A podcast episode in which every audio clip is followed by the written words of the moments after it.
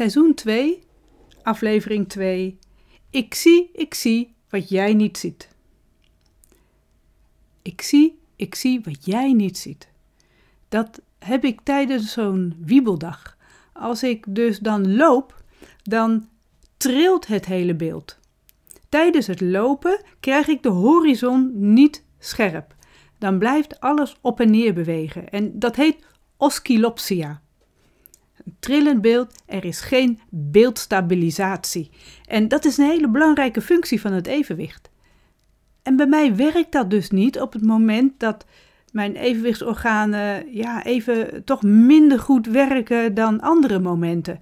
En die dagen heb ik, want het is beschadigd. En de ene dag is dat meer, dat ik daar meer last van heb dan de andere dag. En dat noem ik dan ook wiebeldagen. Een andere vorm van dat je, uh, en dat, dat kun je als buitenstaande wel zien bij iemand die dat heeft, dat is nystagmus. En nystagmus, dat zijn wiebelogen, trilogen. En dat gebeurt bij mensen met eenzijdige uitval. En dan op het moment dat dus eenzijdige uitval er is, dan gaan die ogen heen en weer bewegen, horizontaal heen en weer, ritmisch. Die oogbollen schieten dan heen en weer. Daar kun je dus helemaal niets aan doen, je kunt ook niet tegenhouden. En bij het onderzoek naar evenwicht waar uh, beschadigd is, waar de uitval is, dan kunnen ze dat ook opwekken. Dan doen ze dat juist expres. Dan gaan ze die nystagmus opwekken. En dan krijgt de patiënt ook een uh, bril op, zodat de arts heel goed kan zien hoe die nystagmus verloopt en, en hoe heftig die is. Je kunt daar ook wel filmpjes van vinden op YouTube en zo. Als ze dus, uh, zoek maar op op nystagmus, dan kun je ook zien dat die oogbollen dus dan heen en weer schieten. En soms kun je dat dus ook zien bij iemand die dat dan heeft, dat je dat ook echt ziet. Um, ik heb het zelf voor mezelf wel eens meegemaakt dat ik het in de spiegel ook kon zien.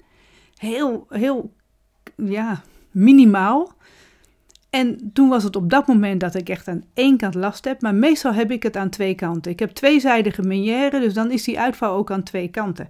Dus die nystagmus is bij mij minder dan bij andere mensen, want dat wordt met name opgeroepen dus bij uh, eenzijdige uitval van die evenwichtsorganen.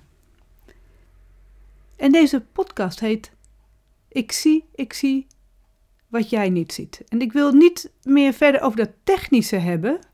Waar ik het over wil hebben is over het schilderij. Ik heb daar een afbeelding van uh, voor mij staan hier.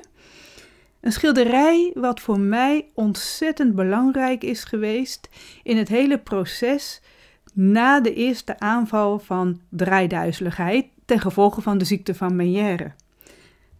En dan gaan we terug ook naar 2008. Daar was dat. En dan ga ik eerst even een stukje informatie delen erover. Dan weet je ook waar het over gaat. Want die afbeelding, dat schilderij, jij kan het niet zien en ik probeer het er wel uh, te gaan beschrijven. Maar de informatie daarover is een uh, vliegend tapijt, flying carpet, in 1880 geschilderd door Viktor Vasnetsov als ik het goed zeg, want het is een Russische naam. Een Russisch kunstschilder en die woonde in Moskou. En het is geschilderd in opdracht van een machtige man, Sawa Mamantov. En die heeft het gevraagd om het als een wandvulling voor een nieuw spoorwegstation te maken. En dit vliegende tapijt, dit schilderij, werd toen ineens symbool voor een vlucht naar een nieuwe wereld toekomstige voorspoed en misschien zelfs wel vrijheid van geest. En de verbeeldingskracht van het verhaal als instrument voor een maatschappelijke boodschap zorgde ervoor dat de schilderijen van Victor Vasnetsov niet louter als een betoverend rijk van de fantasie konden worden beschouwd. En door de combinatie van de realistische weergegeven werkelijkheid met fantasierijke en betoverende situaties ontstonden er schilderijen die blijvende indruk achterlaten bij de kijker. En daar komt hij, want dit verhaal wist ik niet. Dit wat ik nu net verteld heb, heb ik pas geleden gevonden op de website Cultuurarchief Russische Sprookjes. Nu weet ik dit wel. In 2008 wist ik daar niets van. In 2008 zijn wij in de voorjaarsvakantie. Ik had toen net nou, ongeveer twee jaar uh, de ziekte van Meière. Ik liep nog steeds met een wandelstok. En we gingen met ons gezin naar Groningen. In Groningen in Loppersum. Heel klein plaatsje. We gingen daar uh, logeren in een uh, hotelletje. En een van de dagen dat we daar waren, zijn we met de trein gegaan naar hoofdstad Groningen. Want ik wilde heel graag een keer naar dat Gronings museum. Dus daar zijn we naartoe gegaan en wat bleek, in dat museum waren er Russische sprookjes, volksverhalen en legenden en daar dus allemaal uh, schilderijen van. Dat wist ik niet van tevoren. Ik wilde gewoon het Gronings Museum eens even bekijken. En nou, dit kwam wel heel mooi uit dat dit het thema was. Want we hadden onze jongens ook mee en die vonden dat natuurlijk ook wel heel mooi. Al die plaatjes, een beetje fantasierijke afbeeldingen. Ja, zij smullen daarvan. Uh, zij vinden dat heerlijk. Ze lezen ook graag fantasyboeken. Doe ik zelf ook. En die schilderijen, die passen daar dan wel in. Dus wij lopen daar dus langs al die schilderijen en we bekijken dat. En echt, ja, hele mooie afbeeldingen. Toen kwamen we ineens in een uh, grote zaal, een ruime zaal, misschien wel de hoofdzaal in uh, het Gronings Museum, dat weet ik niet. En ik zie daar een schilderij, 5 bij 10 meter groot, 5 hoog, 10 meter breed. En ik sta daar te kijken en ik weet niet wat me overkwam. Ik wist niet wat me overkwam. Ik kon alleen maar kijken. En kijken. Totdat een van mijn kinderen naar me toe kwam en die zei: Mam, kom je mee? Mam, je mond staat helemaal open. Ik stond dus echt met mijn mond open van verbazing te kijken naar dat schilderij. Het schilderij van die Victor Vasnetsov. Een vliegend tapijt. En ik wil dat vliegend tapijt nu gaan beschrijven. Want later, niet op dat moment, op dat moment kon ik alleen maar kijken. Het was echt vol verbazing, um, um, rillingen over mijn rug. Ik, had, ik zag iets en op dat moment wist ik nog niet wat het mij zou brengen. Maar het, het was wel, achteraf gezien, dan ook echt zo'n kantelpunt in mijn leven. Dit had ik nodig om de volgende stappen te zetten. Het is een schilderij van een vliegend tapijt. Zo is ook de titel van, uh, van, van de schilderij zelf. En het is echt zo'n Oosters tapijt, een heel groot Oosters tapijt, wat dus ook in de lucht, en je ziet ook dat het, bewegen, dat het beweegt. Daar bovenop staat een man. En die man die staat daar stevig. En je ziet dat de wind aan zijn kleren trekt. En die staat daar met een vogelkooi in zijn handen. En in die vogelkooi zie je een hele hoop licht en dan zie je een vogel. Dat was dus een vuurvogel. En die vuurvogel die werd meegenomen door deze man op dat tapijt. Geen idee waar ze naartoe gaan.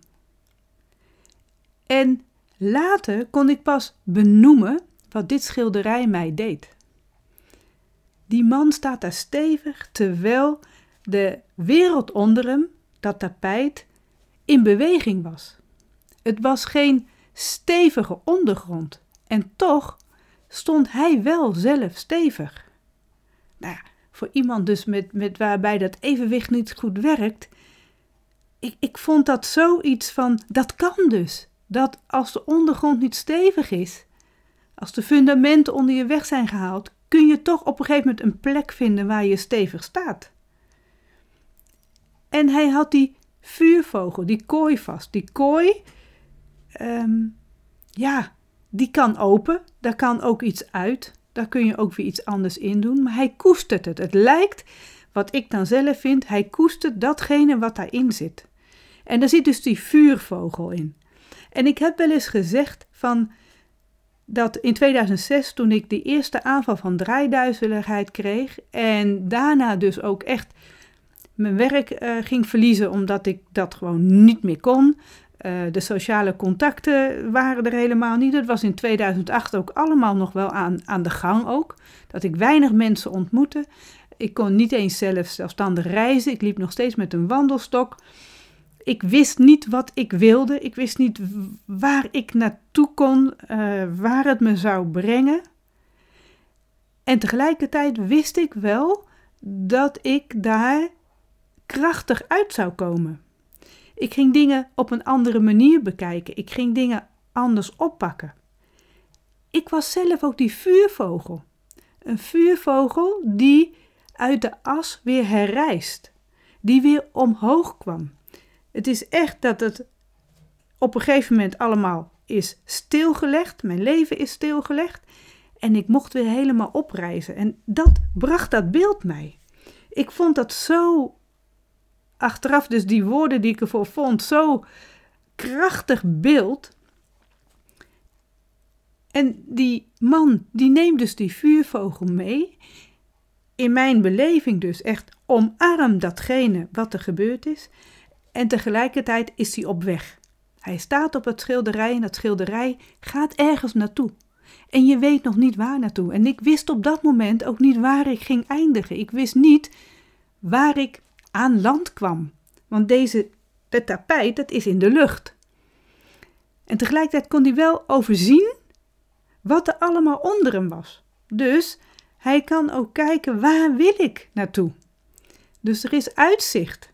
En hij kijkt vooruit. Hij kijkt niet achteruit, hij, kijkt vooruit. En hij kijkt tegelijkertijd ook dus naar, die, naar de, naar de uh, grond, naar, naar nou ja, wat er allemaal onder hem is om te zien waar die zou kunnen landen.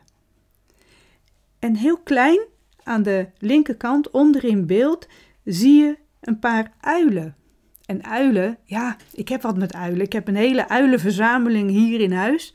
Kleine uiltjes, grote uiltjes, stenen, uh, uh, van stof, hout, uh, van alles wat. Uilen staan voor mij symbool zo van de wijsheid. Dat, dat, hoor je ook vaker bij, bij de uil. Een wijze uil, de wijze uil. Die wijsheid, die neem ik mee op mijn reis. En dat was ook, dat, dat symbool, die symboliek op dat schilderij, dat die uilen dus meegaan op reis. De kennis die ik heb, die ik in al die jaren heb ervaren, die schat aan ervaringen, aan vaardigheden, aan kwaliteiten, ik kan dat allemaal meenemen mee op reis naar daar waar ik naartoe ga.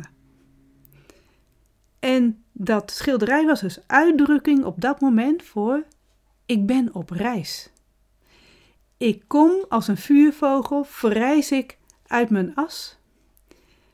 Met een hele wiebelige ondergrond, onduidelijk wat er allemaal staat te gebeuren, kan ik toch stevig staan en ik weet niet waar ik uit ga komen. En dat is helemaal goed.